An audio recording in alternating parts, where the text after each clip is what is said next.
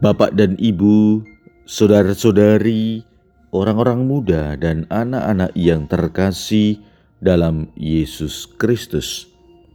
Selamat pagi dan selamat hari Minggu. Salam bahagia dan salam seroja untuk kita semua, berkah dalam. Bersama dengan saya, Romo Antonius Garbito Pambuaci, menyampaikan salam dan berkat Allah yang Maha Kuasa, dalam nama Bapa dan Putra dan Roh Kudus. Amin. Marilah kita berdoa. Ya Allah, putramu rela menderita sampai wafat di salib demi keselamatan kami.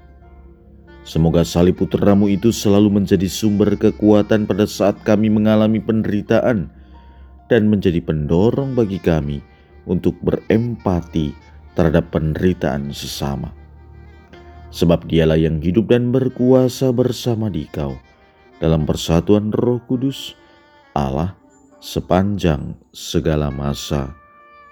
Amin. Hari ini Minggu 12 September kita memasuki minggu biasa ke-24. Bacaan pertama dalam liturgi hari ini diambil dari kitab Yesaya bab 50 ayat 5 sampai dengan 9a. Bacaan kedua diambil dari surat Rasul Yakobus bab 2 ayat 14 sampai dengan 18 dan bacaan Injil diambil dari Injil Markus bab 8 ayat 27 sampai dengan 35. Marilah saudara-saudari yang terkasih, kita mendengarkan Injil suci menurut Markus. Pada suatu hari, Yesus beserta murid-muridnya berangkat ke kampung-kampung di sekitar Kaisaria Filipi. Di tengah jalan ia bertanya kepada murid-muridnya. Katanya, Kata orang, siapakah aku ini?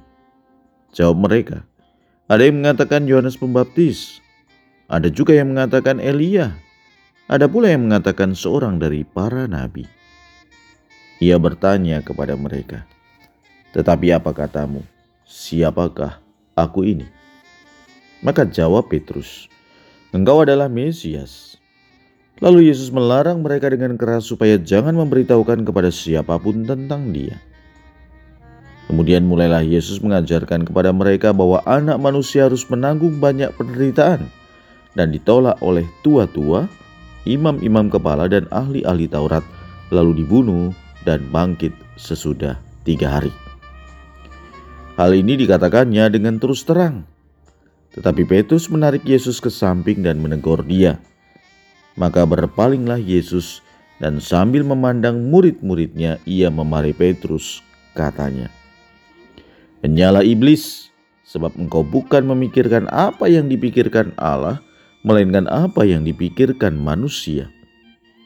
Lalu Yesus memanggil orang banyak dan murid-muridnya dan berkata kepada mereka, setiap orang yang mau mengikut aku, ia harus menyangkal dirinya, memikul salibnya, dan mengikut aku. Karena siapa yang mau menyelamatkan nyawanya, ia akan kehilangan nyawanya. Tetapi barang siapa kehilangan nyawanya karena aku dan karena Injil, ia akan menyelamatkannya. Demikianlah sabda Tuhan. Terpujilah Kristus. Saudara-saudari yang terkasih dalam Yesus Kristus. Nabi Yesaya dalam bacaan pertama hari ini memberikan gambaran mengenai hamba Tuhan yang taat, yang merelakan diri menderita demi keselamatan umatnya. Ia memberikan punggungnya kepada orang-orang yang memukulnya dan pipinya kepada orang-orang yang mencabuti janggutnya. Ia tidak menyembunyikan mukanya ketika dinodai dan diludahi. Sungguh, dalam hidup seorang nabi, pengalaman tugas membawa konsekuensi yang berat. Dibenci, dianiaya, bahkan ditolak. Tetapi dalam semua itu sang nabi tetap kuat, tabah, dan tidak mendapat malu karena Allah menolongnya. Dalam bacaan kedua hari ini ditekankan oleh Rasul Yakobus tentang pentingnya pengalaman iman dengan perbuatan dalam kehidupan sehari-hari yang membuat iman kita itu semakin kuat, tumbuh, berkembang, dan tentu berbuah. Dan menekankan juga bahwa amal kasih merupakan bagian hakiki dari penghayatan agama. Senada dengan bacaan pertama dan kedua, Injil hari ini memaparkan bahwa tantangan dan penderitaan hamba Yahweh memang menjadi bagian utuh dari perjalanan hidup Kristus sebagai Mesias anak manusia harus menanggung banyak penderitaan.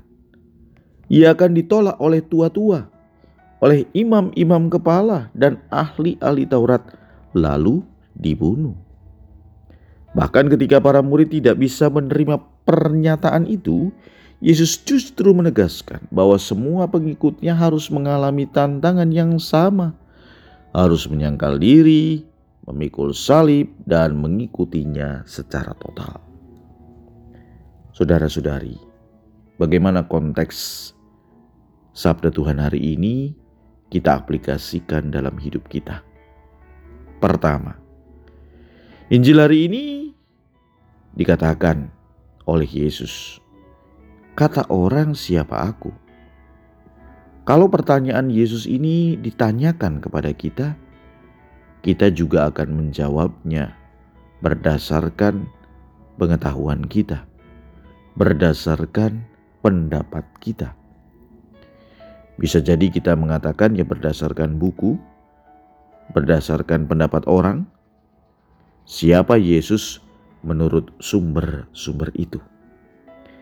Namun kalau pertanyaan itu diajukan untuk kita Menurutmu, siapa aku ini? Juga ditanyakan, apa kita juga dengan mudah menjawabnya?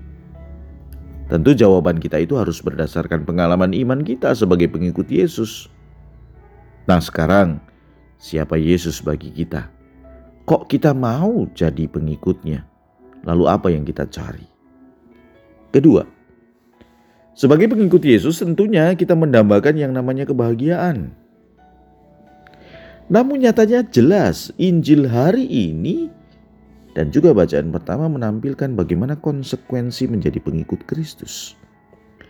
Setiap orang yang mau menjadi pengikut Kristus harus ikut menderita supaya mengalami kebahagiaan mulia bersamanya. Maka kemudian pertanyaannya, apakah kita siap menjadi pengikut Kristus? Tentunya dengan konsekuensi harus menderita, dibenci, dianiaya, bahkan ditolak. Ketiga, pemahaman Yesus sebagai Mesias diperlukan iman yang mendalam. Mengakui Yesus sebagai Tuhan penyelamat menegaskan kepada kita untuk menyatakan sikap dan tindakan yang sama seperti yang telah Yesus lakukan. Iman ini akan bertumbuh, berkembang, dan berbuah jika kita hidupi dengan tindakan nyata setiap hari. Juga dengan demi dan dengan demikian, iman yang sama perlu kita pahami sesuai dengan maksud Tuhan hari ini. Sebab engkau bukan memikirkan apa yang dipikirkan Allah, melainkan apa yang dipikirkan manusia. Marilah kita berdoa. Allah Bapa yang Maha Pengasih, kami bersyukur atas pengorbanan putramu yang mendatangkan keselamatan bagi kami. Semoga dengan mengenangkan kurban salibnya ini, kami juga terdorong untuk rela berkorban demi kebaikan hidup bersama dalam masyarakat kami menuju kerajaanmu yang abadi. Sebab dialah Tuhan pengantara kami, kini dan sepanjang masa. Amin. Berkat Allah yang Maha Kuasa, dalam nama Bapa dan Putra dan Roh Kudus. Amin.